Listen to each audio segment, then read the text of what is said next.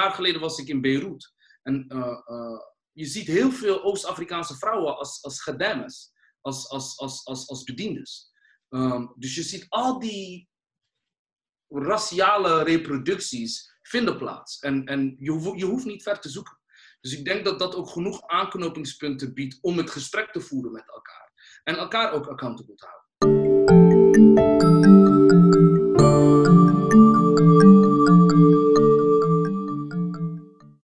Welkom bij alweer de tiende aflevering van de podcast Supermoslims. Mijn naam is Kauthar, met mij is Halil als host. En vandaag hebben wij uh, twee bijzondere gasten, Mami en Malik. En uh, voor wij ze beter gaan leren kennen en ontdekken wat hun superkrachten zijn en wat zij in het dagelijks leven doen, ben ik eigenlijk heel benieuwd hoe zij dat zelf beschrijven. Dus ik uh, begin bij Mami. Als ik jou zou vragen, ik kom jou tegen op straat en ik vraag jou super random van, hey, wat zou jouw superkracht zijn? Waar ben jij echt heel goed in? Wat zou je dan antwoorden? Dingen verwoorden. um, dingen voelen, daarover praten. Dingen aanvoelen bij andere mensen, daarover praten. Um, ik denk dat dat mijn superkracht is. Ja. Alhamdulillah. Praise be upon God. Zeker. Om dat uit te diepen en te zien wat dat precies dan is. En Malik, hoe zit het bij jou? Dingen verbeelden. ik denk dat uh, playing off of wat uh, Mami net zei. Ik denk dat het verbeelden van, van, van uh, dope dingen. Uh, en doe ook nog een, een misschien een, een, tweede sub superpower en dat is um, niet bang zijn voor, voor of, of goed kunnen omgaan met ongemak. Goed kunnen omgaan met, met, met, met confrontaties.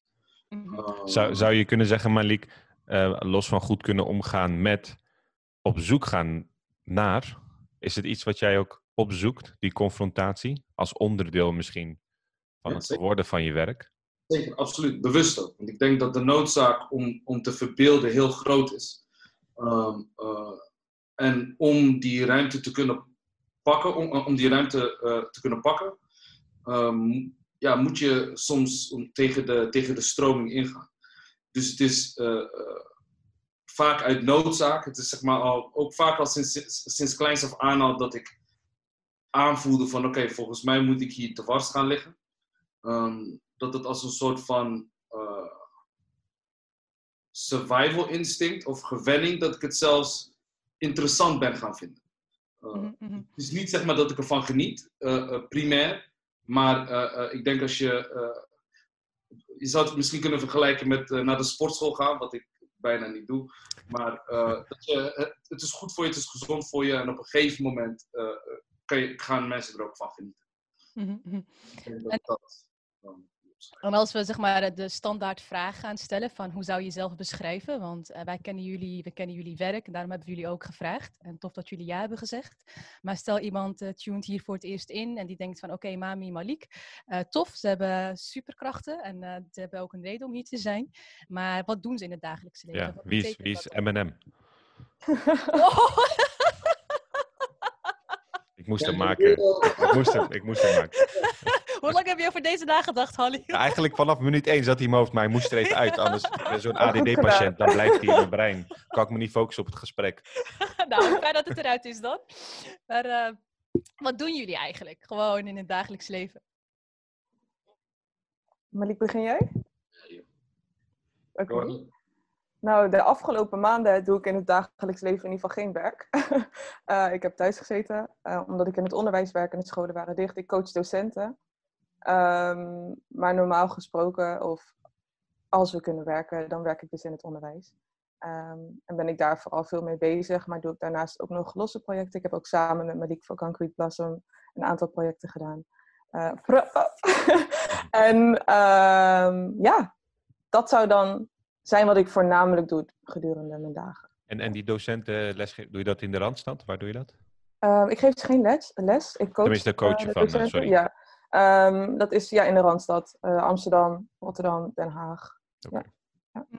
En je doet zelf ook aan spoken word of date aan spoken word, klopt dat? Um, doet als er een podium voor is. En, en, anders schrijf ik graag gedichten. Um, en ik praat altijd wel als het kan. Dus uh, maar dat is dan niet op een podium per se. Maar ik bedoel, het blijft een gesproken woord. Ja. Welke thema's?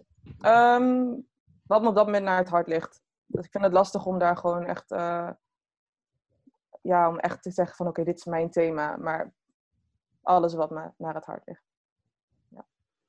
Malik, hoe zou jij jezelf eh, beschrijven voor de luisteraar die je niet kent?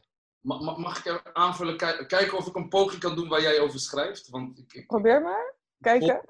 Spannend. eh, ehm,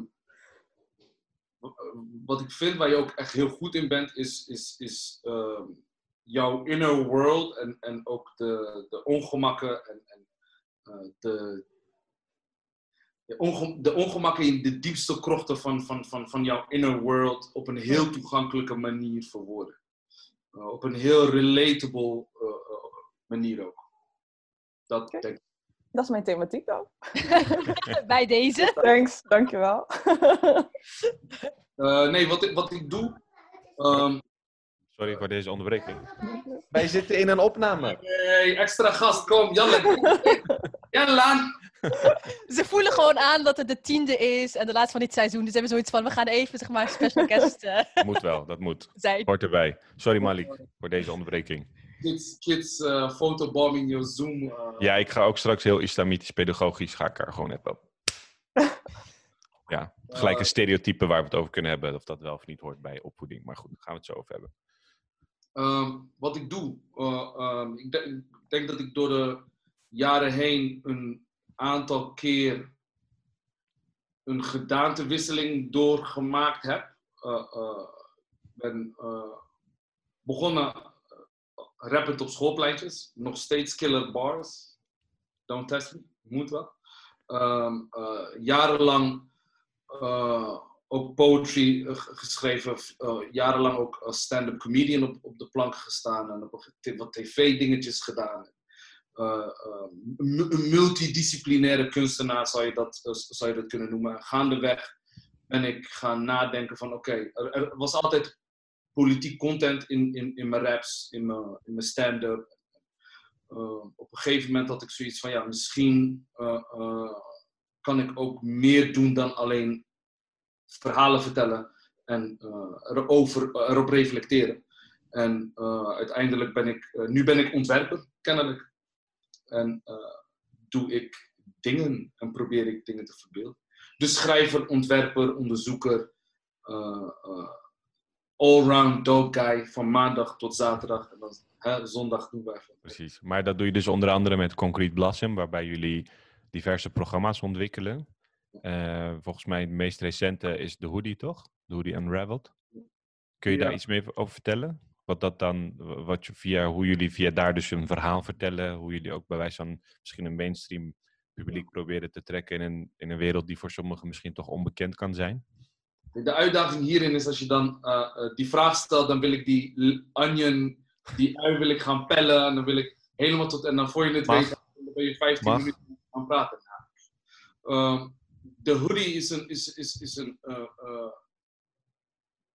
multimediaal kunstproject waar een tentoonstelling eh, eh, onderdeel van is. Eh, in, in het nieuwe instituut, gecureerd door Lou Stopper, eh, eh, journaliste en fashion kenner. Ik had het lastig om daar kaartjes aan te plakken, of titels aan te plakken. Ehm, en dus een, een tentoonstelling en daarnaast ook een, een spiegelprogrammering. Of je zou haast kunnen zeggen dat de tentoonstelling een spiegelprogrammering is van het programma in de stad. En dat project maakt weer deel uit van een eh, onderzoek eh, die we zijn aangegaan met het nieuwe instituut, eh, Museum voor Design, Architectuur en Digitale Cultuur.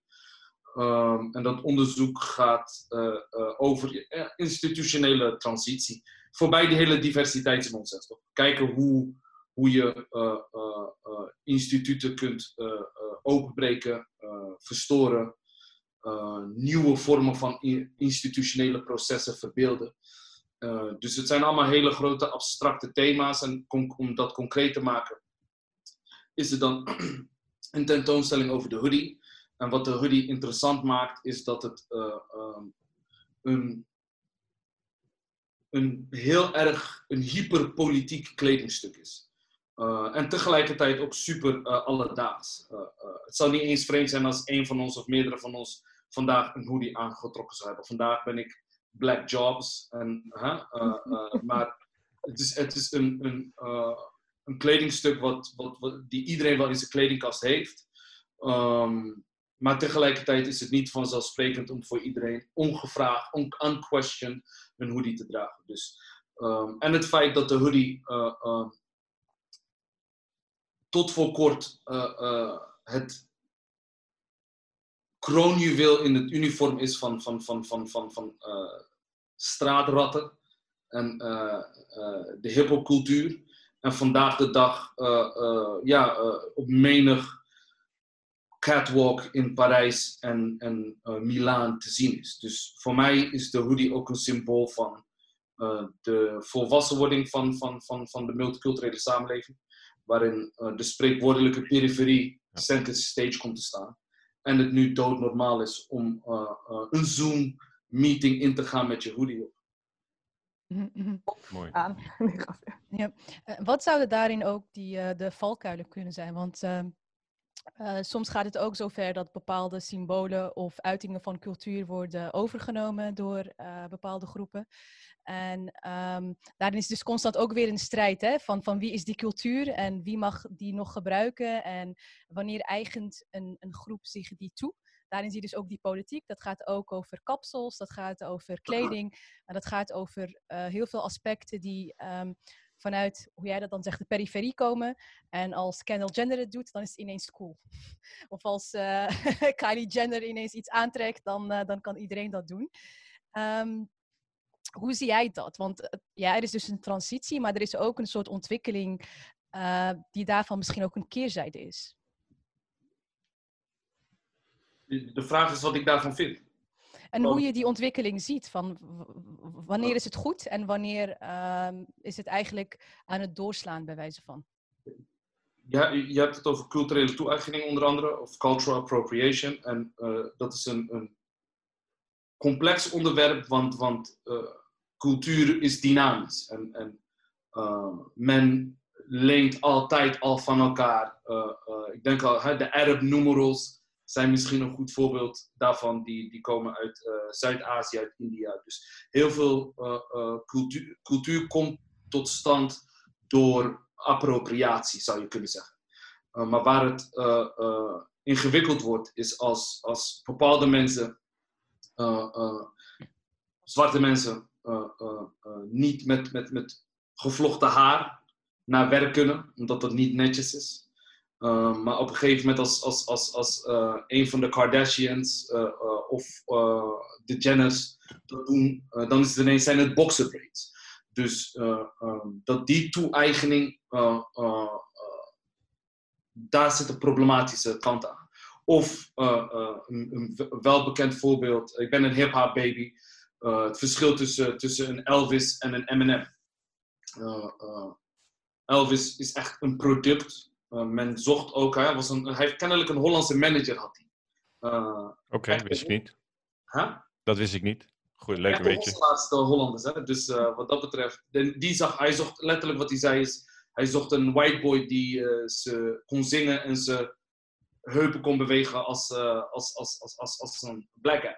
Um, uh, maar voor de rest geen uh, erkenning waar het vandaan komt en noem het maar op. En ook geen erkenning van, van ja, dat hij de sauce had gestolen. En, ja. uh, dat hij heeft ook in die zin niks teruggegeven, zeg maar, aan die community.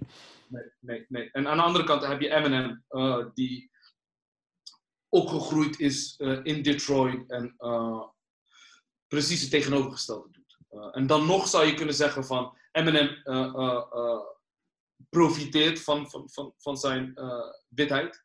Want hij is de, nog steeds tot op de dag van vandaag de meest verkopende rapper. Heeft de meeste platen verkocht. En uh, ook, als je volgens mij concertopbrengsten ja. heeft hij de meeste money gemaakt. en, en dat komt ook gewoon door relatability. Ja. Dus, dus, dus, wel misschien nu met de streamwereld zullen artiesten als Drake en zo hem wel hebben ingehaald, denk ik. Maar inderdaad, het, met name het fysiek verkopen van platen en zo zal hij het een en ander kort op zijn. Maar ja, dat zijn inderdaad wel van ja, ligt dat enerzijds puur aan zijn talent? Hè? Of wat je zegt, is dat inderdaad die relatability? Wat maakt dat mensen toch denken van oké, ik ben ook M&M of wat dan ook. Hm. Het is heel simpel. Als, we, als, als je, als, je kunt je beter identificeren met iemand die op je lijkt. Ja. Mhm. ja. Hey, Mami, we hebben het net even kort gehad over uh, institutionele transities. Jij zit in het onderwijs. Uh, in hoeverre is daar voldoende ruimte voor verbeelding en verwoording uh, buiten de kaders die, die redelijk vast lijken te liggen? Hoe vind ja, jij daarin de ruimte?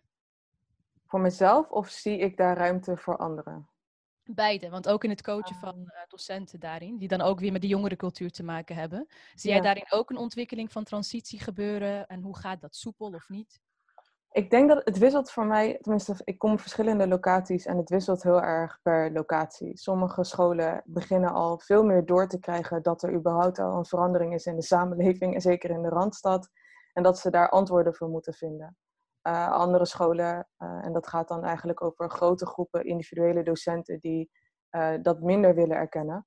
Um, daar gaat het een stuk stroever. Dus ik denk dat, het, dat de bereidheid in ieder geval um, een fijne is om terug te zien. Maar dat dat zich zeker niet gelijk vertaalt in de juiste acties. daar, daar, daar is echt nog wel heel veel werk te verzetten. En voor individuele docenten die um, ja, het eigenlijk al die, die het in zich hebben, zeg maar, die ook in hun lessen tonen dat ze bereid zijn om die kaders open te breken, die lopen wel tegen een heleboel zaken aan. Uh, zoals hun collega's, maar ook gewoon de structuren waarbinnen ons onderwijs is opgebouwd. Uh, datgene wat je moet overdragen, uh, de toetssystemen en dergelijke. Dus ja, het, het, is, het is wel het is een grote uitdaging. En er wordt al heel veel gedaan natuurlijk. Ehm, sowieso door de organisatie waar ik werk, voor werk. Um, maar ook door andere partijen. Maar het is, het is zeker niet klaar. En als de Randstad, Randstad eenmaal om is, zeg maar, als ik het zo kan noemen, dan heb je nog uh, een heel groot stuk Nederland. waarin gelijke kansen in het onderwijs of ja, gelijke waardering van leerlingen in het onderwijs uh, uh, ook nog op de kaart ja, Terwijl, dat vind ik interessant, want ik kom ook dan bewijs van, althans nu door corona niet zoveel, maar mm. over het land als het gaat over onderwijs bij diverse plekken, zeker over, over die thema's Waarbij ja, de bekende DNI, de, de student, uh, docenten om moet gaan met diversiteit en inclusie. Mm. En eh, ik, ik zou zeggen, mijn vooroordeel was, voordat ik, want ik, heb dan vooral in de Randstad lesgegeven hiervoor en ik dacht altijd dat we veel verder waren. Ja. Um, maar juist denk ik, vanuit die gedachte merk ik bij heel veel docenten, als het gaat over diversiteit in de Randstad, voor mijn gevoel vaak, niet altijd, meer weerstand dan buiten de weerstand, uh, buiten de Randstad. In die zin dat ik heb het idee dat er hier wat meer docenten rondlopen die soms het idee hebben van, ja, ik ken het allemaal wel. Ik weet wie de doelgroep is, uh, ik weet wie ze zijn. Terwijl ik denk van, nee, niet helemaal. Mm. En, en buiten de Randstad heb je iets meer een soort van, um, ja, meer een open houding in die zin van, ik weet het niet zo goed, dus ik ben nederig. En, ja. en er, is een, er is wat meer open houding. Uh, niet, niet bij iedereen uiteraard, dat, dat geldt nooit voor geen enkele uh, omgeving. Maar toch wel iets meer van, ja, ik sta er vooral voor open. Oh, is dat ja. zo? Of ik, ik, ik wist niet hoe dat in die cultuur of in die omgeving zat. Ja. Uh, dus in die zin merk ik daar wel iets meer. Ik doe ondertussen een kabel in mijn laptop, anders gaat deze opname stoppen. En dat lijkt okay. me niet. Maar ja. maar ja, dus ik vind het soms nog wel lastig, omdat ik zou denken dat het in de uh, Randstad dus um, meer zou zijn. Maar dat, dat ja. kan nog wel eens uh, tegenvallen, merk ik soms. Tenminste, dat is mijn ervaring. Ik weet niet hoe ja. jij dat ervaart. Nou, ik kom niet zo veel op scholen uh, buiten de Randstad, maar ik ben wel geboren en getogen in Groningen. Tot mijn achttiende. Okay. Uh, ja, ja, het is wat het is. Het is wat het is. Um, maar ik heb het idee dat uh, we dan in de Randstad wat meer al vastzitten in bepaalde ideeën over wie groepen mensen dan zouden zijn. En dat we dus Precies. inderdaad daardoor minder bereid zijn of in staat zijn, um, of onszelf nog de ruimte geven eigenlijk om naar een ander persoon te kijken als een individu met een eigen verhaal. En dat we heel snel de verschijning van een persoon als verklaring voor diens identiteit nemen en ja. hele persoonlijkheid. En ik denk dat er uh, naïviteit niet in een negatieve zin van het woord, maar ik kan me voorstellen dat er buiten de Randstad nog een vorm van naïviteit bestaat, omdat er gewoon, het is nog niet de realiteit buiten de Randstad om. Randstad is echt een andere plek, zo ervaar ik het in ieder geval, dan bijvoorbeeld Groningen. Ja. Uh, mensen zijn wel gewoon mensen. Ehm, maar er bestaat hier een andere dynamiek. Uh, en, en, ja. Ik, heb, ik heb het idee dat in de, in de Randstad, en ik ben ook heel erg benieuwd hoe, hoe, hoe, Malik, hoe jij dat ervaart vanuit jouw werk. Maar ik heb het idee dat, dat vanuit de Randsteden er veel meer ervaren wordt door de dominante cultuur. Dat, dat dat zeg maar onder druk staat. Dus er is, er is eigenlijk geen dominante cultuur meer. Dat is namelijk de realiteit. Maar men houdt zich nog graag vast aan het idee dat dat er zou zijn. En, en, en werpt daarmee ook nog een soort van norm op. Dat doet men in het onderwijs, dat doet men in de politiek, dat doet men bewijs van in de cultuursector. Van dit is de norm en, en de, de minderheid, dus aanleiding zou zich daaraan moeten schikken. Terwijl in, in, met name in Rotterdam bijvoorbeeld, ja, dat al lang niet meer het geval is. Hè? Dus de, de meerderheid is de minderheid. En binnen die minder, uh, minderheden is er geen uh, bewijs van één groep die het voor het zeggen heeft. Maar de nieuwe realiteit is dat we alle moeten schikken naar elkaar en moeten kijken naar inderdaad hè, die transitie van wat is dan die maakbare samenleving en hoe komen we elkaar tegemoet? Maar ik merk dat in de, in de, in de Randstad zijn er dus nog, nog... Ja, je hoort bijvoorbeeld dingen als binnen het onderwijs dingen zeggen als van ja, maar, ja, maar binnen de Turkse cultuur zit het wel diep hè, met eer en zo. Dan, dan wordt een leerling die gefrustreerd is, wordt geframed als uh, zit met zijn eer. Terwijl ik denk van, huh, uh, die is gewoon boos omdat hij zich ja, onrechtmatig behandeld voelt. Dat heeft niks per se te maken met eer. Maar dan, dan, dat bedoel ik met die concepten die ze dan in de Randstad inmiddels over al die jaren dan hebben opgedaan, waarvan ze denken, oh, ik, de, ik ken die groep wel. Uh, en dat vind ik soms wel lastig, omdat je daar naar mijn idee meer bezig bent met eerst die concepten bewijs van afbreken, alvorens je ja, het echt kunt hebben over dingen met elkaar. Ja. Dat, dat, dat brengt ook nog wel eens. En, en het klinkt alsof ik het nu bewijs van over uh, witte Rotterdammers heb, maar dat juist ook met mensen vanuit de gemeenschap die naar mijn idee daar heel erg op liften ook. Van ja, inderdaad, de groep is zo, dus je moet daar zo mee omgaan. Ik denk van, daarmee help je niet, naar mijn idee. Je bevestigt bepaalde stereotypes en, en we kunnen daar dan niet echt uitkomen, naar mijn idee. Maar ik ben benieuwd, ja, herkennen jullie dit een beetje? Hoe zien, zien jullie dat in jullie werk? Malik, ik zag je af en toe meeknikken, misschien ook niet, I don't know. Maar hoe, hoe, hoe reflecteer jij een beetje op hetgeen wat ik ik heb best wel veel gezegd, merk ik. Ja, precies. Even in algemene. Kijk, ik denk dat um, er zijn verschillende manieren waarop je het kunt uh, uh, aanvliegen. En, en, wat Mami al aangaf, dat, dat je zou het kunnen lezen als er een bepaalde vorm van, van naïviteit in, in, in de provincie, waar ik overigens ook tot mijn achttiende heb gewoond. Dus ik ken beide werelden heel goed. Um, Welke dus provincie? Drenthe. Drenthe. Oh, echt waar. Ik dacht dat dat nog onder Groningen valt. Nice, nice. Oké, okay, oké. Okay. Als ik tegen mensen zeg dat, dat, dat mijn navelstring niet op dijkzicht is geknipt, dan voelt het alsof ik vreemd ga of zo, lijkt het wel. Dus je bent gewoon import Rotterdammer, bro. Ik ja. dacht dat wij... Oké, okay, is goed. Hier gaan we het later over hebben, man. Maar dit is, zeg maar, dit is ook een heel interessant, interessant uh, punt waar je het over kan hebben. Maar ja, import, hè. Ja. Uh, maar je weet, de meeste dingen, die uh, meeste mooie dingen komen van buiten. Dus dat is waar, dat is waar. Dat is waar. dat, uh, um, dus aan de ene kant dat er een bepaalde mate van naïviteit in, de, in de zogeheten provincie is. en een bewustzijn in, in de Randstad. Je zou ook het vanuit een iets kritischer perspectief kunnen benaderen en zeggen dat het, in, die, in die grote steden, dat, dat, dat is het strijdtoneel. En dat is het punt die jij net maakte. En het strijdtoneel voor, voor, voor uh, grote ideeën weer. En, ja. Het is ook niet toeval, geen toeval dat Leefbaar Rotterdam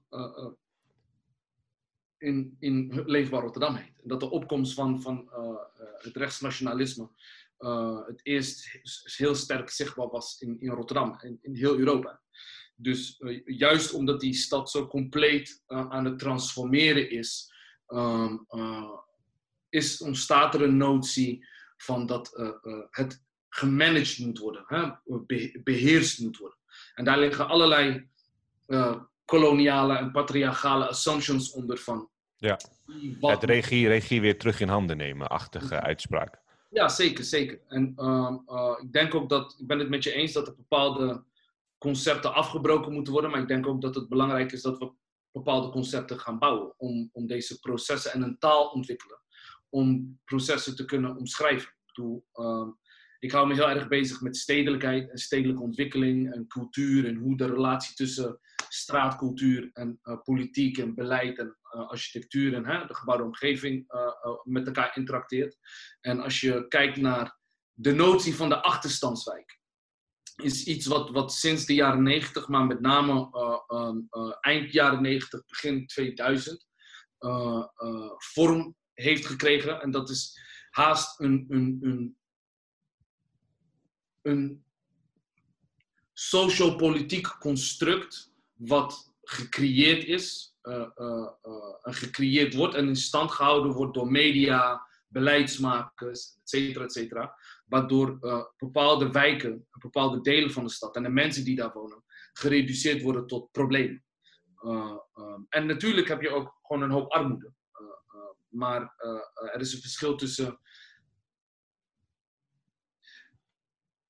de oorzaak van problemen uh, lezen als, als, als een financiële kwestie, of een politieke kwestie, of een, een, een, raciaal of culturele kwestie. Dus het is, wat, je, wat je ziet is dat we, en dat allemaal ook overnemen. Dus het idee van wat een achterstandswijk is, hoef je niemand uit te leggen. Iedereen snapt dat. Dat is een wapen. Um, en ik denk dat het belangrijk is om dat soort concepten zelf te ontwikkelen. Of dat soort kritische lezingen te ontwikkelen en concepten daar tegenover te zetten. Ik spreek liever van multiculturele volkswijk. Ja, terwijl, terwijl, want wat je hebt over concepten en ik, ik zit dan te denken van, weet je, um, want dat vind ik het lastige in Nederland dan, hè? want als we het hebben over, over dit soort concepten dan, en je zegt van ja, uh, als je zegt achterstandswijk, dan zou bijvoorbeeld iemand zeggen, oh Bloemhof in Rotterdam-Zuid. Dat zou dan geframed worden als een achterstandswijk. Maar niemand zou bijvoorbeeld zeggen, weet ik veel, Duimdorp in Den Haag. Uh, uh, terwijl in theorie, check the boxes, zou heel veel van die mensen die dan een soort van rationeel debat met je gaan voeren. Ja, maar dat is toch ook een achterstandswijk, want zo wordt het wel in de noties of ik voor gemeentevraagstukken gelabeld. Maar het punt is in de beeldvorming en hoe men die wijken benadert. De ene wordt heel erg benaderd als een achterstandswijk. En het factor wat men niet wilt noemen in Nederlands vaak van ja, omdat daar met name mensen wonen met een migratieachtergrond, mensen wonen van bepaalde kleur en we daarom ook een beeld ontstaat van ja, maar daar zou ik niet willen wonen. Dat is wel heel erg onveilig.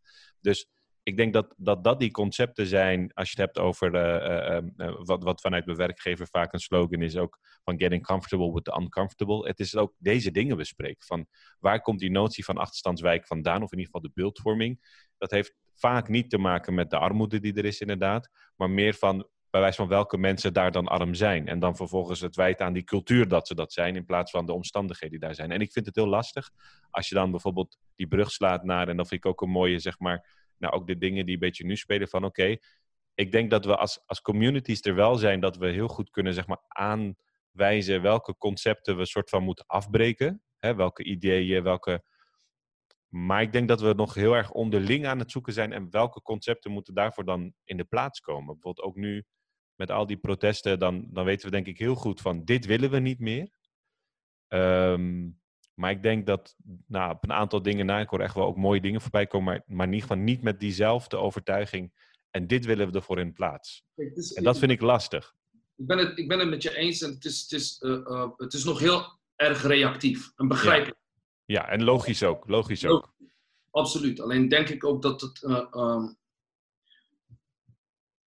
een, ook te maken heeft met natuurlijk verloop we zijn uh, tweede generatie, uh, uh, of e eerste generatie. en de eerste generatie die in ieder geval vertaalslagen weet te maken tussen verschillende werelden. En je, eerder gaf je het, benoemde je ook al heel kort dat sommige allochtonen, ik, breng, ik, ik, gebruik het woordje weer al sinds een paar weken. Hè? Ik, ik, ben moe van het zoeken naar hè, wat is, wel, welk woord gebruiken we dit seizoen. Is het zeg maar um, zwarte man. Misschien heeft, misschien heeft mami, je bent van de woorden, misschien heb jij een. ik hanteer altijd gewoon wat mijn vader mij gegeven heeft. En dat is zwarte mensen. Okay. of, uh, en, en als ik dan wat voorzichtiger wil zijn, zijn het mensen van kleur of donkere mensen. Maar ik uh, kom er soms ook niet meer uit. Om heel eerlijk te zijn. Ja. Om, dat, om dat punt uh, zo beknopt mogelijk te maken, dat er een hoop allochtonen zijn die ook garen spinnen bij, bij die problematiek en het ook de instandhouding van die problematiek. Uh, en dat heeft voor mijn gevoel ook te maken met een, uh, ja, een integratiemanie waar we met elkaar continu in zitten. Uh, alles moet opgaan in, in mainstream liberale instellingen en instituten waar mensen van kleur of allochtonen of wat dan ook een zware minderheid vormen en ook niet in staat zijn om andere vormen van, van, van, van of te verbeelden, laat me het zo zeggen omdat je meer bezig bent met constant legitimeren. En daartegenover staat dus ook dat er ehm, weinig of onvoldoende, of nu pas gewerkt kan worden aan alternatieve lezingen. Waardoor mensen die zowel binnen instellingen werken als, als, als erbuiten zitten, kunnen verbeelden. Wat, wat daarin denk ik nog wel de uitdaging is, is de ongelijke verdeling van macht en geld. Gewoon letterlijk. Want um, enerzijds die beweging om binnen instellingen en instituten verandering teweeg te brengen, is denk ik ook wel deels um, um, omdat daar ook veel verandering e uiteindelijk mogelijk zou kunnen zijn als vanuit de kern van de macht uh, beleid wordt gemaakt en beelden worden gemaakt en woorden worden gebruikt uh, die aansluiting vinden bij alle Nederlanders, bij wijze van. Uh, en tegelijkertijd bijvoorbeeld het werk wat Concrete Blossom doet en Mami wat jij doet als individu, podia pakken, als die er zijn, dat zei je net ook al, van ik sta niet altijd op het podium, soms zijn die er en soms niet. Dat ik denk van enerzijds, eh, dat doen wij ook met Wij Blijven Je wil je eigen podium pakken. Je wil een podcast maken zoals deze, waar je over dit soort onderwerpen kunt praten. En tegelijkertijd ehm, is er ook wel een soort, je verhoudt je wel tot een speelveld. Uh, waar uh, sommige poppetjes iets dikker en groter zijn dan andere. En waar sommige spelregels ehm, decennia geleden zijn gemaakt. en waar um, bepaalde bonusvragen en antwoorden bij zitten die nog niet helemaal toegankelijk zijn voor iedereen. Dus ik denk dat dat ook een soort beweging is waarin de samenleving ook zoekende is van waar ga je het zoeken? Ga je het binnen die instellingen zoeken en van daaruit proberen te veranderen? Of ga je van buitenaf uh, dat hele spel bij wijze van veranderen? Uh, of je brengt gewoon je eigen spel. Uh, hoe doen jullie dat? En Mami ook, kijk ook even naar jou, omdat je dus enerzijds op individueel niveau heel erg zelf de woorden zoekt en kiest en, en, en, en daarin je ruimte pakt. En tegelijkertijd wel weer binnen instituten moet bewegen. Dus hoe vind je daarin die balans? En um, hoe zie je de, ja, hoe zeg je dat? Want je bent ook betrokken bij Concrete Blossom natuurlijk. Dus hoe, hoe verhoud je je daartoe? ik denk dat het een verademing is om binnen Concrete Blossom dan, of met Concrete Blossom dingen te kunnen doen. Um, kan Malik ook mute, hè? Dus als je ook geen leuke dingen over Concrete Blossom moet... Oh ja, hoor, don't worry. hoeft niet alleen, hoeft niet alleen positief te zijn, hè? Mag gewoon. Dit is een veilig podium. We zoeken het ongemak op. We houden van ongemak. Dat is waar we mee begonnen vandaag. Sorry voor die onderbreking. Mag even een side note. Even. Het mag gewoon. Maar ik zei ook Concrete Blossom. Ik zei ook niet alleen Malik. Concrete Blossom okay, okay. is natuurlijk meer dan alleen Malik. En uh, werk ik ook met andere mensen samen. Um, en ik denk dat het ook eigenlijk, tenminste in mijn ervaring met Blossom, is dat ook gewoon een goede om bij stil te staan. Uh, en om te ervaren dat er een hele beweging aan mensen achter zit. Um, waar ik me dus heel fijn bij voel. Waar ik me, uh, wat ook een tegenhanger is van soms het, ja, dat, dat vaste, dat rigide wat een instituut of instituten zoals het onderwijs, uh, scholen, soms ook de cultuursector in combinatie met scholen, uh, dat, ja, dat, dat, dat zet vast op momenten en kan ook super frustrerend zijn. Dat neemt niet weg dat het werken met Blossom, dan heb ik het niet over in het werk met Blossom, maar de partijen met wie we bijvoorbeeld samenwerken. Dat je dan toch weer met een, of ja, toch met een instituut samenwerkt, maar dat je uh, ja, ook weer tegen de zaken aanloopt. En dat is gewoon onderdeel van het ding. Kijk, zolang we ruimte moeten innemen, is er een gevecht gaande, of een strijd gaande. Zolang het niet is dat die ruimte van jou is, of dat een plek ook van jou is, of dat er gelijkwaardigheid is, of wat dan ook, ben je altijd aan het strijden. Ja, dat is vermoeiend. Dus balans, ja, balans vind ik niet in de instituten, vind ik niet zozeer in mijn werk. De balans vind ik om te weten van hoeveel geef je van jezelf aan je werk en hoeveel geef je van jezelf aan jezelf en aan de dingen die je verder belangrijk vindt. Um, want ja, het is mooi om iets gedaan te krijgen. Ik denk ook dat het heel waardevol is en dat we daarvoor moeten blijven gaan. Um, zolang we dat gewoon aankunnen.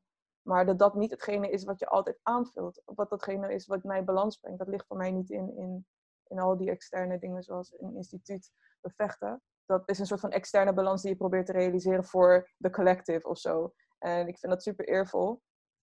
Um, en belangrijk ook. Uh, maar daarmee antwoord ik niet zozeer de balans in mezelf. Mm -hmm. ik in contact met mensen, die vind ik in het herkennen van dat er überhaupt een strijd gaande is. Uh, of, of, ja, of dat er moeilijkheden of uitdagingen zijn En dat er ongelijkheid is. En niet zozeer om elkaar allemaal. Ja, het mag ook trouwens. Als we elkaar gewoon uh, moeten troosten op dat vlak, is dat ook cool. Um, maar beseffen dat er een realiteit is die niet door iedereen gezien wordt. Maar wel door een heel groot deel van de Nederlanders. Um, of de mensen die hier wonen. Het is maar hoe je wil identificeren. Uh, maar ja, laten we Nederlanders aanhouden. Um, ik denk dat dat balanceert. Omdat het heel gek is om een realiteit in te stappen van bijvoorbeeld een schoolgebouw. Uh, of een vergadering ergens of zo. En dat je dan denkt van, ziet niemand dit? Zeg, heeft, heeft, hoe kan dit? Hoe kan het dat ik gewoon van nature bepaalde dingen zie, puur, puur door je geleefde ervaring? Dat je daar dan zit, dat je helemaal soort van ja, de, van je balans afgegooid wordt. Kun je dat concreet maken? Dus je loopt in een gebouw binnen en, en wat brengt jou dan zo uit balans? Ja, nou ja, ik, er was een keer, um, Malik was daar ook bij en een vriendin van mij en ik hebben een, een, een avond gehost. En um, het was voornamelijk een, een wit publiek, uh, of ja, mensen uit, uh, die in het onderwijs werken. En we hadden een aantal mensen, sprekers uitgenodigd, waaronder Malik. En het verhaal van Malik kwam, ja, er werd anders op gereageerd dan ik had verwacht. Nou is het altijd gevaarlijk om Beschrijf anders. Negatief, positief? Nee, niet negatief per se. Gewoon... Geschokt? Nee, bijna geen reactie. Oh, oké. Okay. Eh, en dat, dat... was niet... Dat is niet het, de reactie die, wordt, die, die, die het verhaal uh, meestal krijgt op het moment dat er mensen zitten die het snappen. Of die het voelen, of die het hebben geleefd. En vervolgens de noodzaak ook ervaren van dat er verandering nodig is. En dat was in die zaal anders. En zo zijn er een aantal zaken gezegd in die zaal uh, door andere sprekers, zoals uh, ja, ik, ik, ik wil graag um, uh, op Zuid, Rotterdam-Zuid werken. Ik kom uit naar een andere provincie, niet in de Randstad. Ik wil dus op Zuid werken, dat is heel belangrijk. Oh, het is zo mooi en waardevol. Dus ik dacht, oh, iemand die echt eindelijk een keer de waarde weet te benoemen van wat dan de verschillende culturen eventueel kunnen brengen. Um, maar dat werd uiteindelijk gereduceerd tot ja, het eten is zo lekker. Dat is voor mij echt, dat staat heel ver af van hoe ik naar de werkelijkheid kijk. En het feit dat iemand dat daar zo uit. Um, en, en dat de zaal daar dus ook, en dat ook eigenlijk bevestigt in, in houding en in glimlachen en dergelijke. En andere opmerkingen zoals de mensen op ja, die hebben dan, zijn niet zo met cultuur bezig of die weet je, minder cultuur. Gewoon dat narratief, het is niet de eerste keer dat iemand dat op een podium zegt. Ja. Um, dat soort uh, uh, distortions bijna in, in, in hoe ik zelf naar de, hoe ik de werkelijkheid ervaar met alle mensen om mij heen. Denk ik van ja, dat, dat, dan, dat is geen balans. Dat, dat is heel geks. En het is dan fijn om thuis te kunnen komen bij mensen die het breder zien. Of die wel ook een bepaald deel van mijn werkelijkheid zien. Of elkaar, dat we elkaars werkelijkheid ook uh, kunnen herkennen. En dat brengt balans. Maar is dat niet, even los van de notie voor degene die in hun leven om welke reden dan ook niet in Rotterdam-Zuid geweest zijn, je kan daar wel echt lekker eten. Dus dat even als zijnoot. Mm. Maar uh, is dat niet ook de notie... Sorry? Vooral in Feyenoord. Vooral in Feyenoord. Maar um, um, is dat niet ook omdat, dat merk ik veel, ook toen ik uh, in Rotterdam-Zuid heb gewerkt en lesgegeven heb. Um, en ik denk dat dat voor bepaalde andere, je zou kunnen zeggen, dus tussen aanhalingswijzen weer die achterstandswijken in verschillende randsteden geldt, is ja, je hebt heel veel, zeg maar, ik noem ze even invliegdocenten. Dus die ochtends daarheen komen, daar lesgeven en weer smiddags weggaan. Op safari? Uh, ja, tussen aanhalingstekens op safari. ja, en, en, dus, dus vaak ook, het ruikt ja, er lekker. Er is, ze uh... kennen, maar voor de rest niet echt de leefwereld kennen. Hè? Dus, dus je ziet, dus dat vond ik zo verbazingwekkend van deze hele coronacrisis, is dat je heel veel berichten zag van uh, kinderen hebben het echt slecht thuis. En dat ik dacht van, really? Weet je, was dit hiervoor nodig? Dat, want er zijn heel veel mensen die het al jaren roepen. Dat kinderen thuis geen laptops hebben. Dat kinderen, als ze er al één hebben, dat ze die met vijf broertjes en zusjes moeten delen. Of al zijn ze één, eh, eh, dat ze de enige in een gezin zijn, dat ze geen plek hebben om rustig te kunnen studeren. Dat ik denk van, waarom hebben we altijd bewijs van een, een, een slechte situatie nodig om dit soort dingen te kunnen zien? Terwijl er ook heel veel, ja, ik weet het uit ervaring, maar niet alleen in Rotterdam, maar in Nederland zijn er al jaren mensen die roepen deze dingen moeten we oplossen. Uh, Maar ik heb het idee dat dus die docenten die, die die setting niet kennen, dat ze het ook oprecht moeilijk vinden om te begrijpen. Dus het is niet zozeer naar mijn gevoel altijd onwil.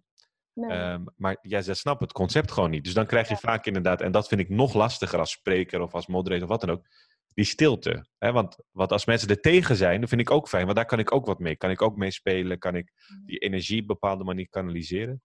Um, maar dan heb je soms dus inderdaad een zaal die, of een groep die aan het trainen bent, die heel stil is. En dan denk ik, wat gaat er nu door je hoofd? Het is heel lastig om dan te kunnen kijken van, ja, waar zit die misconnectum, zeg maar, in. Dat vind ja, ik, ik denk, heel moeilijk. Wat ik zelf ook, uh, sowieso vond ik die avond een lastige avond. En ik ben uh, niet zozeer blij dat het zo gebeurd is, maar ik ben blij dat ik het dan zelf heb ervaren, want toen kan ik ervan leren. Ja. Um, maar ja, om in te haken op het stukje over dat docenten inderdaad uh, het gewoon niet echt weten of zo. de persoon over wie ik het nu heb, die, die is aanwezig als expert. Oh, oké, okay. that, ja, changes the En als spreker, ja, als spreker... Hashtag plot twist.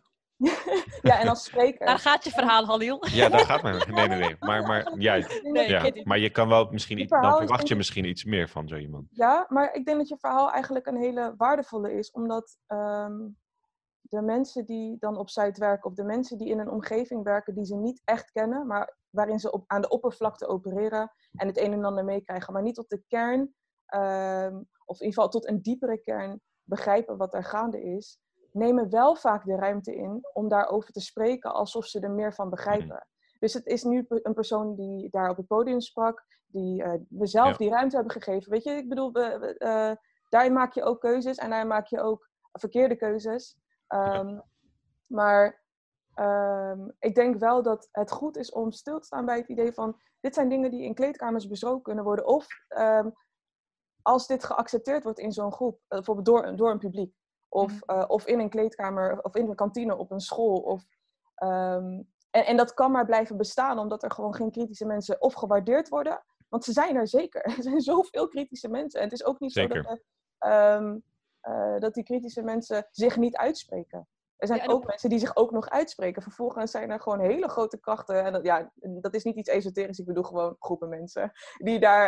Uh... Je, heb je het nu over de Illuminati? Sowieso altijd. Maar dat, moet je niet benoemen. Nee, nee, wij hebben het over de djinn, hè? Oh, okay. wij zijn moslims, we hebben het over de djinn. Oké, oké, okay, sorry. Dit maar, gaat zeg maar, er zijn, uh, er, zijn, uh, er zijn grotere groepen of systemen um, die dat, uh, nou, monddood wil ik het niet noemen, maar die dat... Ja, het is wel, de realiteit is inderdaad wel, ik denk dat dat, dat, dat best gezegd mag worden, is dat als je uh, kritisch bent, um, linksom of rechtsom, je daar wel een prijs voor betaalt. Hè? Dus, dus als jij bijvoorbeeld binnen een school werkt of binnen een instelling werkt, waarbij je kritiek hebt op het systeem, ja, dan acht ik de kans niet altijd heel groot dat je ook bij wijze van teamleider wordt binnen die school. Of, dat je of je wordt eruit getrapt, zoals bij de politie. Fatima die moest weg. Want... Precies, dus het is niet altijd dat het... je... echt gebeurde. Dus ja, denk van, joh, die heeft niet eens iets gezegd, zeg maar. Nee, nog met het clear evidence hè, in dit geval. Ja.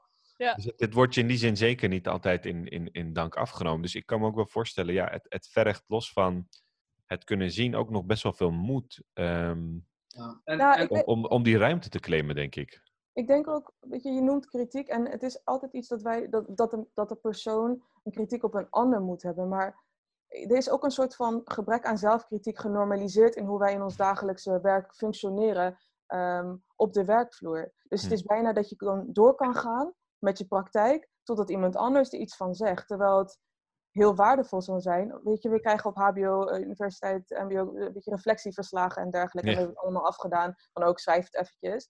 Um, ik heb zelf ook onderschat hoe belangrijk reflectie was tijdens mijn studie. Uh, maar um, zelf kritisch kunnen zijn. Weet je, we hebben het heel veel nu in dit gesprek, merk ik het ook, ook net over bijvoorbeeld docenten. Uh, van over, als ik het heb ook over docenten in de provincie eventueel, er zit nog een stuk naïviteit of wat dan ook.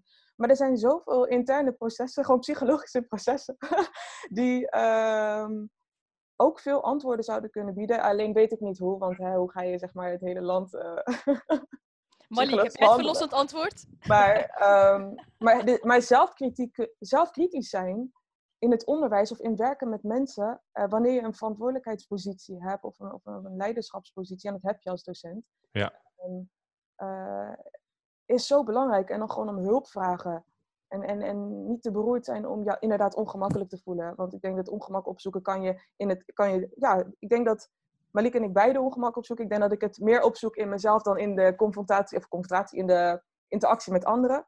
Uh, maar ja. ook wel, maar dan één op één vaak. Terwijl uh, Malik het uh, ja, groots neer kan zetten en, en gewoon massa's mensen zich ongemakkelijk kan laten voelen, maar met een mooi doel. ja. ja. Ik zeg ook wel eens, ik ontwerp ongemakkelijke mensen. Uh, maar, maar in toenemende mate merk ik ook dat ik uh, ongemak ontwerp voor, voor, voor uh, allochtone of zwarte en bruine professionals. Want een, respectabiliteit is ook een, een, een ding, uh, uh, een, een notie waar we meer met elkaar over moeten spreken. Kijk, het is uh, ook juist binnen de islamitische gemeenschap, we worden opgevoed met, met hè, die, die idealen van wees, word een dokter, advocaat. Of, of we, we, kennen die verhalen. Um, en wij reproduceren dat denken ook als we in instellingen werken.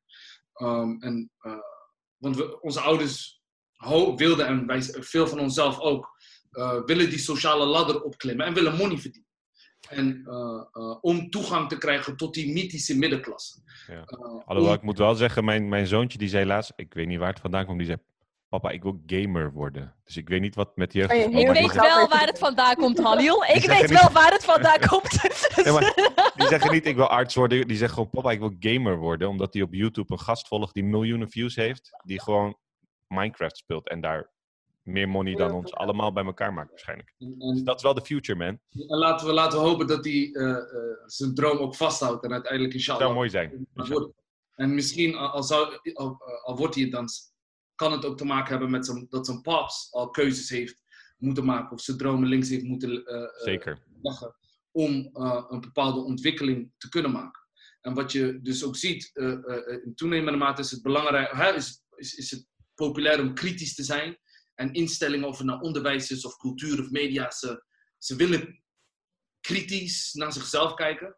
Um, maar het lijkt alsof, alsof uh, uh, allochtonen die dan kritiek leveren uh, en in staat zijn om het op een bepaalde manier te formuleren, onderdeel worden van een soort van legitimeringsmechaniek. Mm. Dus dat, hebben allochtonen of twee die, die kunnen zeggen bad whitey, bad whitey, en dan doen ze zeg maar met beetje Shia zichzelf een beetje aanpakken en dan kunnen we door.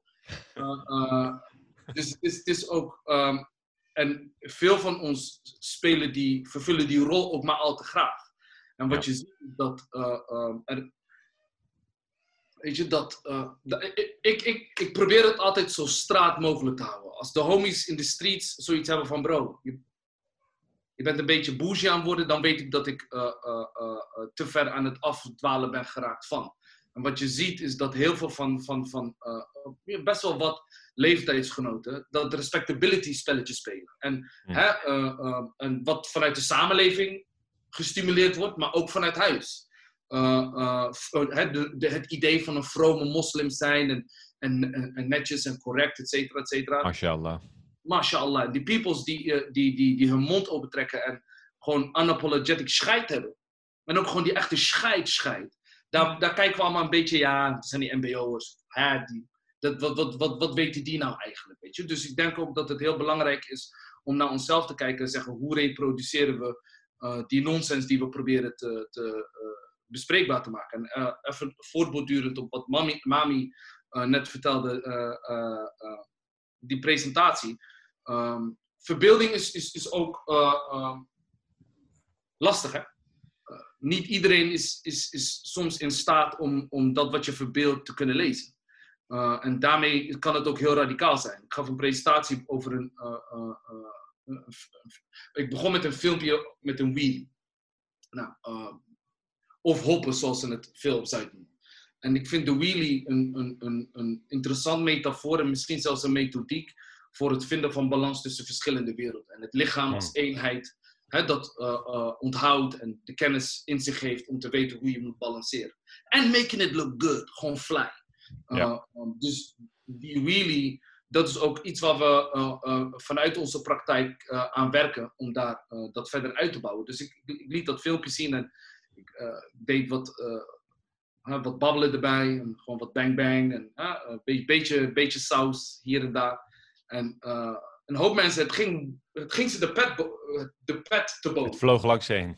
Vloog, ze, ze, hadden zoiets van, waar, weet je waar, waar, waar heeft Ja, mooi, maar ze konden, ze konden dit niet vastgrijpen. En dat is precies het punt. Weet je, uh, uh, om, om een, een Chappelle-reference te gebruiken. Fuck your couch. Weet je, ja.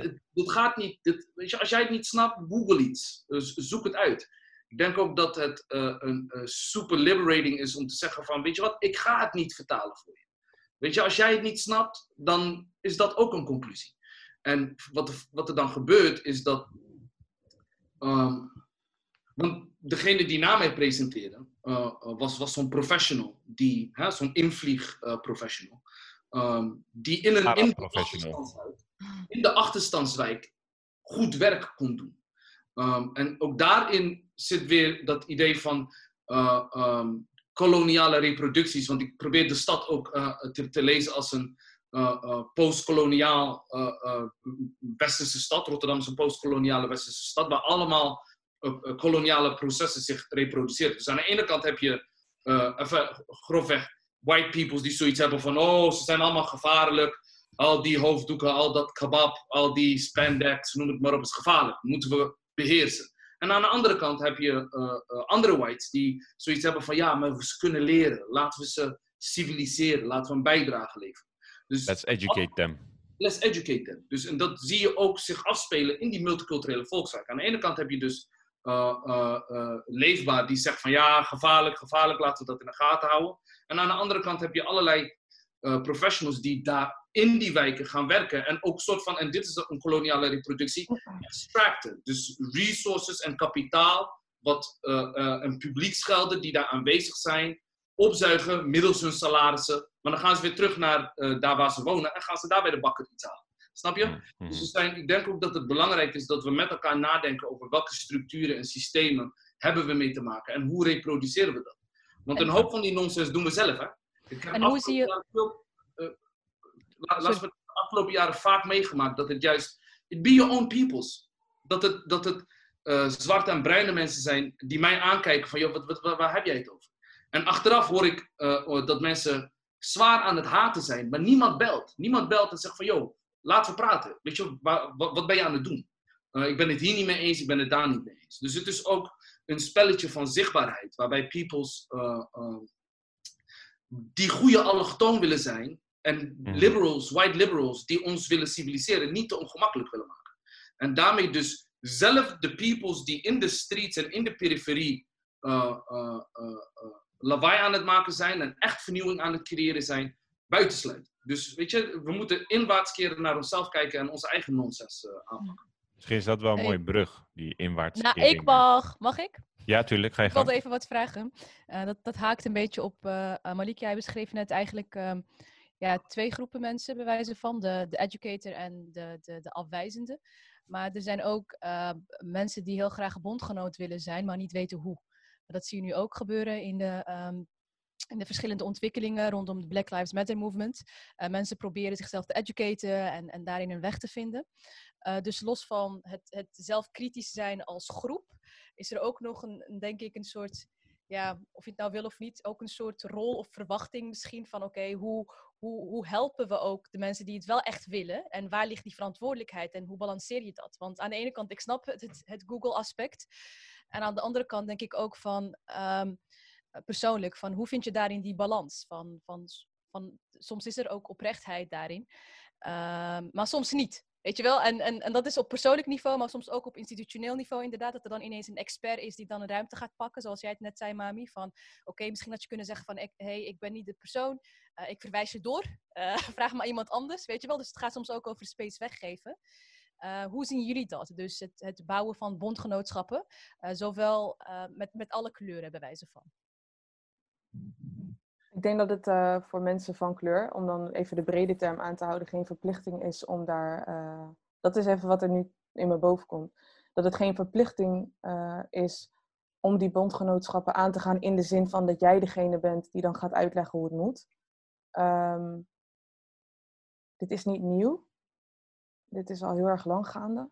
er zijn zoveel voorbeelden waar je naar kan kijken. En ik denk dat niks verplicht is, maar dat doorverwijzen op zich het voor sommigen echt wel het maximale hoeft te zijn.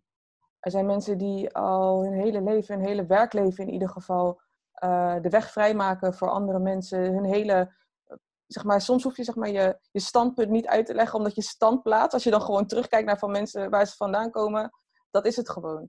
En um, ik kan me voorstellen dat mensen zich wanhopig voelen of zo. Van, oh ja, maar ik weet het gewoon niet. Ja, maar het is ook gewoon eventjes goed om dan met die wanhoop te gaan zitten. En te beseffen dat jij het gewoon echt even niet weet. En pas als echt inzinkt dat jij het niet weet, kan je gaan zoeken. Maar zodra je gelijk gaat grijpen naar anderen, denk je dat je het antwoord hebt. Want dat, zeg maar zonder, nou, ik, ik ben wel pessimistisch eigenlijk over uh, bepaalde ideeën en mensen die bondgenoot willen zijn. Al raakt het mij niet altijd persoonlijk, zeg maar, het zijn niet mensen die mij per se hiermee benaderen, maar de dingen die ik zie gebeuren, of waar ik over hoor, dan denk ik wel van, zeg maar, dit is een lang ding. Dus je kan nu je wanhoop voelen, maar het, is, het klopt niet om in je wanhoop om je heen te grijpen aan allemaal mensen om je heen die wel al jarenlang dit leven, zeg maar, en dan eventjes jou moeten gaan uitleggen, uh, moeten gaan uitleggen hoe het zit, zodat jij je tijdelijk weer rustig kan voelen. Want als dat namelijk is wat bondgenootschap betekent, je vastklampen aan mensen en je mee laten bewegen door de mensen. Nee, je moet bondgenoot zijn door zelf vooruit te bewegen.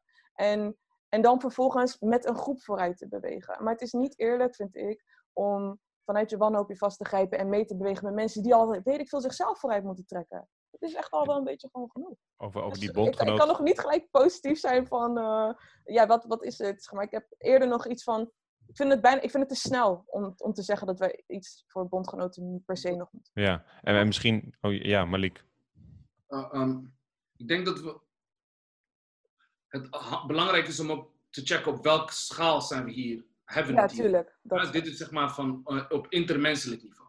Ja. En intermenselijk niveau. uh, aan, aan de ene kant is het, is het zonne om, om uh, uh, geduldig te zijn met mensen en uh, te educaten. Um, mits je in staat bent om te educaten. Uh, dus dat is de traditie waar we uh, uh, van, van, van- vanuit vertrekken. Um, maar, ah, twee punten. Ik denk dat het belangrijk is om kritisch te kijken naar uh, uh, uh, de bondgenoten. Sowieso, ik ben niet, in 9 van de 10 keer ben ik niet de persoon die shit voor jou gaat uitleggen. Ik ben de persoon die tegen jou gaat zeggen, donder op. En misschien nog een donder op you erbij. En dan kan iemand anders dat gaan opvangen. Je hebt du- duiven en haviken nodig. En dan kan iemand anders die, eh, waar het wel in, eh, in, in het karakter zit, of die nog wel op een bepaald punt is om dat uit te leggen, die kan dat dan gaan doen. En ik denk dat het belangrijk is om ook te laten merken dat het niet vrijblijvend is. Weet je, van zoek het zelf uit, joh. Eh, ik, ik heb geen tijd voor die dingen. Dat enerzijds. En anderzijds is het ook belangrijk om de bondgenoten van de bondgenoten te checken. Die eh, het ook, dus zeg maar, hè, de allochtonen die maar al te graag dat gaan uitleggen en die tokens willen zijn om het, weet je wat, laat mij diegene maar zijn die het voor jou uitlegt en die geduld opbrengt. Want dat is ook een positie. Als je ervoor kiest om geduldig per definitie te zijn, eh, eh, eh, dan is het, dan, weet je, dan, je, zou, het koening kunnen noemen, of allochkoening, in het kader van, van, van een nieuwe taal, hè, eh, zou dat ook eh, geïntroduceerd kunnen worden. En dus is het belangrijk ook dat we kijken onderling weer, van joh, wie is hier aan het allochkoenen en wie niet? En wat, wat, wat, houdt dat in? En hoe kunnen we daar het gesprek over voeren? Want zolang we het gesprek daar niet over voeren, dan kunnen we het ook niet eh, eh, eh, aanwijzen. Dat is op intermenselijk niveau. En als je het op een, een systemisch niveau bekijkt, onze samenwerking met het nieuwe instituut gaat hierover. Gaat over eh, eh, die institutionele transitie. En dat zijn mensen vaak, mensen, mensen maken instituten. Ehm, je zou kunnen zeggen, ja, mensen maken instituten. Ehm, dus wat we onder andere doen, is, is, is juist een uitwisseling op gang brengen. Om ervoor te zorgen van, oké, hoe kunnen we voorbij die, weet je, dat tweedimensionale van representatie en ruimte geven. En oh, kijk eens hoe goed. En ehm, dat is ook hella money. Het is ook een economie. Dus Mhm. ik denk dat we eh, eh, eh, voorbij uh, goeddoenerij en voor, voorbij morele overwegingen moeten stappen. En kijken naar, gewoon ook naar money. Weet je, want diversiteit in een stad als, uh, in een stad als, als Rotterdam, um, is ook, gaat niet over morele overwegingen. Het gaat over power, het gaat over money en het gaat over overleven. Want hoe lang kun je jezelf nog legitimeren als je niet in staat bent om mee te bewegen met je omgeving? Dus zolang wij niet op een systemisch niveau nadenken en ook kritisch naar elkaar en naar onszelf en naar hè, Jan Willem en Marieke zijn, uh, uh, zullen wij instituten en dit probleem ook in stand houden. Wij zijn complicit, ook voor een groot deel. En voortbordurend op dat, op dat, oh sorry, ik wilde um, even een brug slaan naar, naar voortbordurend op dat kritiek en ook weet je maar wat jij zei van, van het pessimistisch zijn. In hoeverre uit dat zich naar de, naar, de, naar de gemeenschap zelf? En met de gemeenschap bedoel ik in dit geval specifiek de moslimgemeenschap. Als je kijkt met name met de recente gebeurtenissen, je zou kunnen zeggen heel, uh, met, ja, met name uh, Europa, het Westen, zijn allerlei protesten over de Black Lives Movement. natuurlijk gaat dat voornamelijk over, over racisme. Maar ehm, los van de individuen die ik heel erg zie, ik moet zeggen, ook daar op institutioneel niveau, dus je zou kunnen zeggen moslimorganisaties um, die ertoe doen, in welk land dan ook, in Nederland of in, in andere landen internationaal, uh, met uitzondering van Amerika, daar doen ze er echt in mee. Uh, ook niet iedereen trouwens. Um, zijn oorverdovend stil. En dan denk ik, um, ja, als we, ze, als we ze bewijs van, als het ons daar al niet lukt uh, om die vertaalslag te maken, in hoeverre is het dan fair om het misschien van iemand te verwachten die nog, nog verder van je afstaat, ideologisch gezien, of nog minder kan relativeren tot je. Is dat niet iets wat we, ja, bij wijze om, om, om het totale plaatje succesvol te kunnen krijgen, moeten we niet, moet het ons niet lukken inmiddels in 2020 zou je kunnen zeggen om, om die minderheden, om die groepen te connecten met elkaar en om duidelijk te maken, dit is een struggle van ons allemaal. Het gaat niet um, om een labeltje of om een naam waar we ons uh, druk om zouden moeten maken. Maar we zouden gewoon solidair moeten zijn. Op zijn minst. Het minste wat je kunt doen is solidair zijn. En sterker nog vind ik zelf, maar dat is persoonlijk, zouden we, uh, wat deze discussies moeten betreft, uh, zonder podium af te pakken. Maar vooral in die zin vooraan staan. In de zin van mee, meelopen, meedoen, meesteunen. soms ook financieel. Maar ik heb het idee dat ja, zolang er nog altijd geen islamitische naam of logo ontstaat, dan zegt je ja, maar oké, ik kan wel een, ehm, een zwart plaatje delen op mijn Instagram, maar meer dan dat ga ik ook niet doen. Dus ik mis heel erg onderling binnen die gemeenschap heel erg die solidariteit. Sterker nog, ik denk dat het onderdeel is ook van een interne racismeprobleem die we heel erg hebben, uh, die we niet graag benoemen, omdat we dan gelijk komen met de Bilal-kaart van ja, uh, uh, de islam had Bilal en hij heeft de azan voorgelezen. En dan denk ik van, oh, gaan we daar weer naartoe? Ik vind dat een beetje vermoeiend. Ik heb ook daar, ook binnen de gemeenschap heb ik zoiets van, we moeten even dat ongemak opzoeken. We moeten voorbij die eendimensionale gesprekken van, ja, de islam is tegen racisme, want de profeet gaf als laatst deze speech. Ja, dat kennen we allemaal wel, maar de realiteit is inmiddels wat anders. Dus, dus hoe, hoe kunnen we daar ook intern bruggen slaan? Daar ben ik heel erg naar op zoek. Misschien een beetje richting, ja, een soort van closing remarks vind ik dat toch wel een, een vraagstuk die ik ook even ook hier gesteld we hebben. Maar iedereen wat mij betreft mag hierop reageren. Het is niet specifiek naar één iemand gericht. Mm. Ik denk als het gaat ook ja, überhaupt over bondgenootschap. Weet je, er zit wel een bepaald pessimisme in mij. Um, maar de vraag is ook van wat, wat is dat bondgenootschap dan? En ja. um, binnen, binnen, islamit, gewoon binnen de islamitische gemeenschap, al vind ik de, de islamitische gemeenschap, ook als volgen wij de profeet vrede zijn met hem en, en zijn we moslims, vind ik het een lastig concept de islamitische gemeenschap. Of de, de umma. Ja, of de umma, zeg maar. Ja. Um, dat, dat vind ik, ik ben daar nog niet uit. Het zijn bijna individuen met wie je connect. En dat zegt niet dat de rest geen moslim is, hoe verre van, daar blijf ik echt van weg. Maar het zijn eerder mensen met wie je gewoon zeg maar, kan viben, die mede-moslim zijn. En dan, dan voel je zeg maar, het, het umma-gevoel. Um, terwijl je als je met andere moslims bent, uh, om verschillende redenen. Maakt niet uit of het dan per se over ras gaat uh, als concept. Of over de manier waarop je praktiseert. Of hoe je je kleedt. Of hoe je spreekt. Of hoe je, gewoon zoveel redenen die ons mm-hmm. verdelen, zeg maar. Um, dus ik, ik, ik vind het lastig om te zeggen van oké, okay, ja, binnen de Umma moet dit dan. Want wat is die Umma dan? Wat, wat, is, wat is dat? Wat is, waar ligt onze verbinding na ons moslim zijn? Waar, over welke laat, lijnen... Laat ik hem heel concreet maken. Ik ben daarin gewoon even heel straight to the point. Elke organisatie, elke moslimorganisatie die na vandaag... Hè, eigenlijk zouden ze dat, dat, hadden we wat mij het altijd nog gezegd. Maar laten we hem heel concreet... Na vandaag in zijn of haar bestuur geen moslim toelaat van een andere nationaliteit... is wat mij betreft onderdeel van het probleem. Mm. Is een racistische, islamitische instituut. Dat vandaag. Een heel groot statement. Nee, maar heel simpel. Als jij zegt, en er zijn heel veel, en ik, ben, ik kom uit de Turkse gemeenschap, er zijn heel veel mensen binnen de Turkse gemeenschap die met name de islam gebruiken als het argument om het niet te doen. Deze heb ik heel vaak gehoord.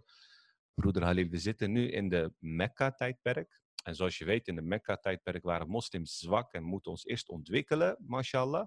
En als we dan in Medina zijn, dan kunnen we de anderen toelaten. Dus daarmee zeggen ze indirect ook van, wij Turkse moslims met name, mashallah, wij zijn heel erg sterk. Die andere zwakke moslims moeten nog even wachten. En dan gaan wij hun helpen. Daar zitten zoveel kanttekeningen en problemen in. En ik heb zoiets van, kijk, als jij een beweging bent, voor welke beweging, niet alleen de Turkse beweging of whatever. Als jij zegt, wij zijn er voor de umma, maar vervolgens zegt, ja, maar die Marokkaanse broeder of Somaliaanse broeder, wat dan ook. Nee man, die ga ik echt niet in mijn uh, bestuur laten, want daar is waar de macht is. Hè. Laat staan in mijn moskee, wat soms al een probleem is. Maar gewoon bestuur, sorry, dan mag ik je verder aardig vinden en zo. Maar dan ben je onderdeel van het probleem dat racisme heet. Heel simpel. En, en ik, dat bedoel ik met, wat mij betreft moeten we deze dingen concreet durven stellen en gewoon zeggen als in, dit is een probleem. Het is een probleem als jij zegt, ja, wauw, Bilal, dit en dat. Maar mijn dochter mag niet trouwen met de Surinaamse broeder. Weet je, dit soort dingen bedoel ik van, dit is echt een, ook een issue in onze gemeenschap. En ik heb deels het idee dat we het niet bespreken omdat we bang zijn dat rechts Nederland het gaat gebruiken om vervolgens te zeggen: Ja, jullie hebben het wel over racisme in Nederland, maar kijk jullie eigen gemeenschap dan. Ja, zo so be it. Maar ik heb het idee dat we daardoor te lang bang zijn geweest of terughoudend zijn geweest om ook onze eigen gemeenschap te bekrietsen, waardoor we stilstaan, heb ik het idee. Maar ik denk dat dat, wat Malik is, of tenminste wat Malik, ook, dat is ook ongemak aanwakkeren. Precies. ongemak kan in, zit in elke groep, zit in elk persoon. En um, ja, ik, ik, ik moet zeggen, ik ben niet specifiek bij een moskee-gemeenschap aangesloten of zo. Dus ik weet niet zo goed. ik, de interne gesprekken krijg ik niet mee, maar wat je zegt vind ik heel schadelijk. Um, en, en, en, en, nou ja. Je zou als sociaal nou, experiment gewoon moeten proberen. Dichtstbij ja, zijn moskee vragen of je een bestuur mag. Ja, dat is echt, nou, we zijn elkaar spiegel als moslims. Dus ik denk in die zin op het moment dat we dat kunnen aankaarten. Alleen, ja, ik, ik, ik, ik ga nog even iets langer nadenken. Ja. Zou, zou, ik mogen reageren? Tuurlijk. Uh, um, want ik ben, ik ben hè, zwart en moslim. Dus aan, ik, dit heb ik vaak gezegd. Dus aan de ene kant ben ik een broeder. En aan de andere kant ben ik een broeder. Maar het is vaak een ander type broeder. Uh, ja. Een ander soort broederschap. Krijg je dan ook van die mensen die tegen je zeggen: Maar, maar broeder, ik zie geen kleur. Je bent gewoon een broeder. Nee, kijk, het, wat het interessante is, die, die horen we nog niet. Oké, want dat vind ik. Ja, Oké, dat is weer een andere problematische stelling, maar ga verder. Is dat, uh, uh, wat, wat, wat, wel grappig is, is als ik er zo uitzie, dan kunnen een hoop niet-zwarte moslims mijn moslimnis lezen. Hè? Want dan zien ze, ja, ja, ja, dit, dit, dit, dit, dit, dit, Soma, yes. En dan weten ze gelijk Somalische broeder, zo, zo, zo. Dan, dus die, dan, dat, dat is, dan is het leesbaar. Maar als ik mijn haren vlecht, ben ik ineens een Surinamer, ben ik een Antilliaan en noem het maar op. Dan, dan verlies ik mijn moslimness. Dus het is een heel interessant uh, uh, uh, reis die ik vaak maak. Maar um, ik, ik, denk dat er ook wel wat voor, voor, valt te zeggen van dat hele idee van Medina-tijd en Mekka-tijd. Want als je, als laten we ook heel eerlijk zijn, weet je, er is, het Europees project tegen de islam is eeuwen oud. Mm -hmm. en, en de Europese anxieties voor de islam zijn, zijn zo concreet en, zo, en ook hè, zo, zo uh, uh, rijk dat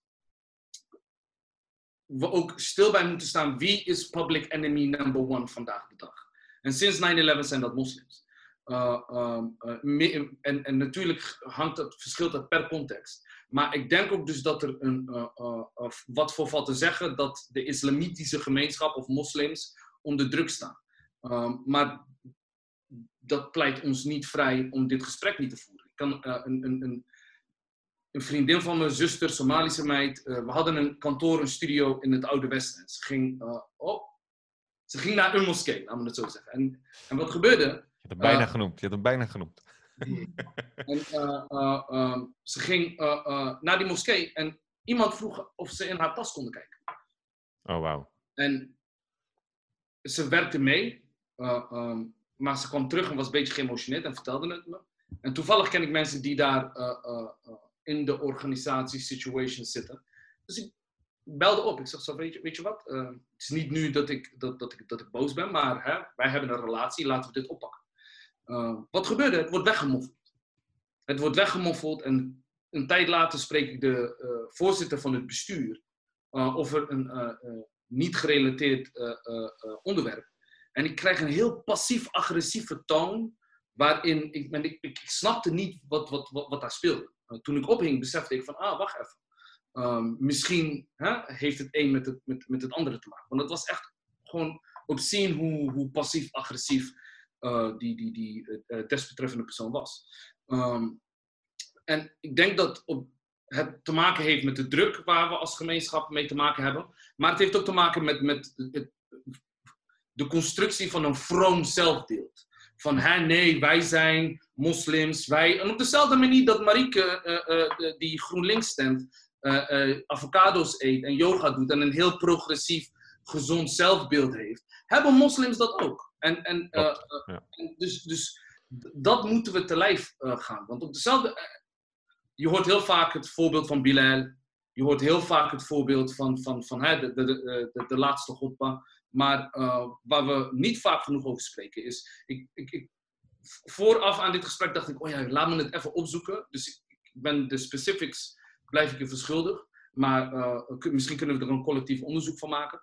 Um, dat uh, er in, in de middeleeuwen, volg, in, in, in het Midden-Oosten, fatwas zijn gemaakt die niet omarmd zijn, maar laat wel, uh, uh, of niet al om, om, omarmd zijn, maar het zegt wel iets over het klimaat.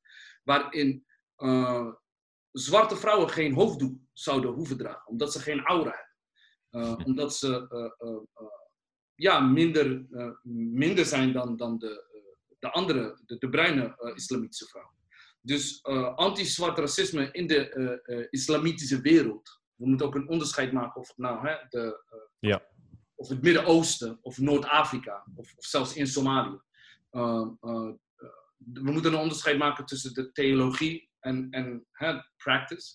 Um, maar er zijn heel veel van dit soort voorbeelden waaruit af te lezen valt hoe anti-zwart racisme historisch gezien verwoven is ook met de islamitische wereld. En ik ben, een jaar geleden was ik in Beirut. En je ziet heel veel Oost-Afrikaanse vrouwen als, als als, als, als, als, als bediendes. Um, dus je ziet al die raciale reproducties vinden plaats. En, en je, je hoeft niet ver te zoeken. Dus ik denk dat dat ook genoeg aanknopingspunten biedt om het gesprek te voeren met elkaar. En elkaar ook accountable te houden. Um, en voorbij, voorbij het idee van. Uh, uh, mijn moeder, als ik, uh, ik ben nog niet getrouwd, dus bij deze ochtend maar als ik met mijn moeder... gaan we in de openingsscène zetten. In de trailer komt dit. Ja, ja, ja. Maar uh, uh, als, als, als, als ik met mijn moeder spreek over, of zij met mij spreekt over trouwen, dat, want dat is vaak goed gaat, um, ken, heeft het fases. Aan de ene kant, bepaalde momenten dan, ja, zolang het maar een islamitische meid is, en dan is het, zolang het maar een Somalische meid is die uit het noorden komt, waar wij vandaan komen, en soms is het nee, doe maar niet beter die Noorderling, doe maar nog beter een Zuiderling. En andere keer is het beter een Noord-Somaliër dan een Somaliër uit het zuiden. Dus het is, ik denk dat het ook menselijk is en dat we ook niet daar eng of spannend over hoeven te doen om uh, uh, hoe we uh, voorkeuren hebben en elkaar op basis van die voorkeuren uitsluiten.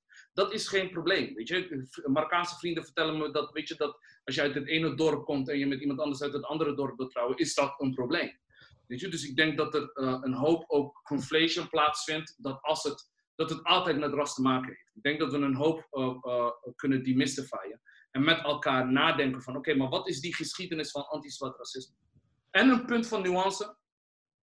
Er is ook een hoop islamofobie in, in de niet-islamitisch zwarte, in de Surinaamse of... of zeker, zeker.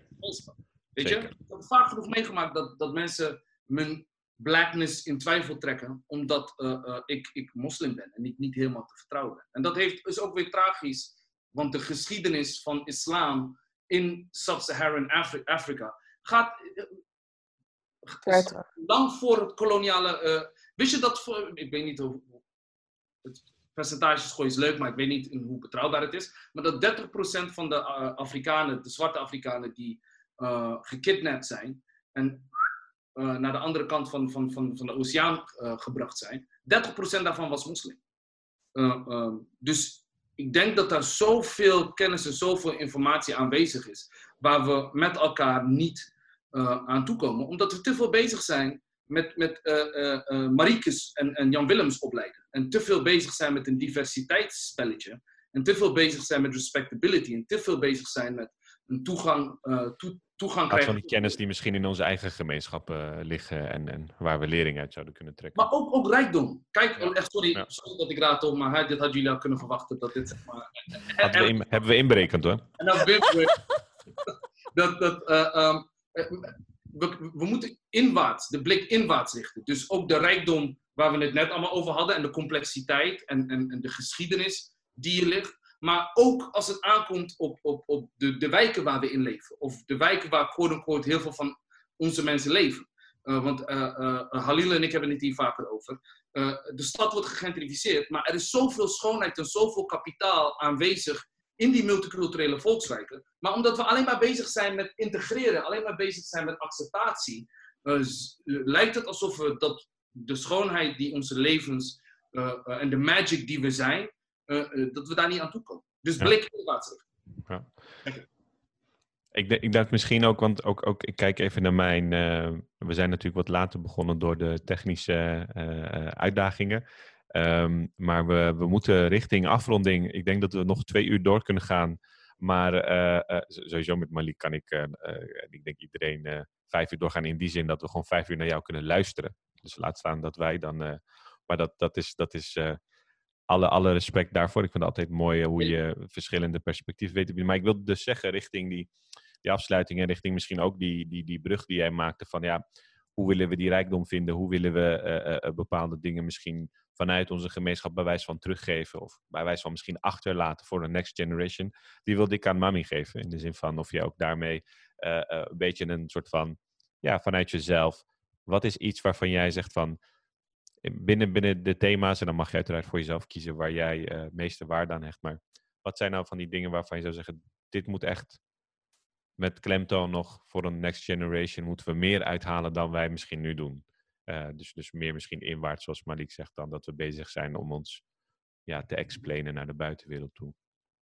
Ik denk dat iets waar ik zelf in ieder geval heel veel mee bezig ben en, uh, en mensen om me heen, dat je uh, inderdaad inwaarts keert, maar dan niet ja, op, op, op heel veel niveaus, maar ook echt gewoon helemaal teruggaat naar wie jij dan eigenlijk bent. En dat je je daarin gesterkt kan voelen en dat je ook overtuigd raakt tot in het diepste van je ziel, zeg maar. Ehm, dat, wie, dat je bent wie je bent met een reden.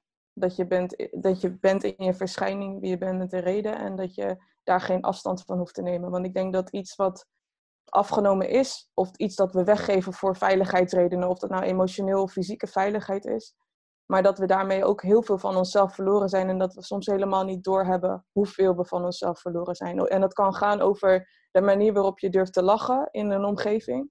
Dat is iets heel kleins. Maar groter is het, ehm, weet ik veel, durf je, durf je nog met bepaalde mensen ergens naar binnen te stappen? Durf jij, als je ergens echt niet van overtuigd bent, dat gewoon niet uit te voeren? En kan je cool zijn met jezelf?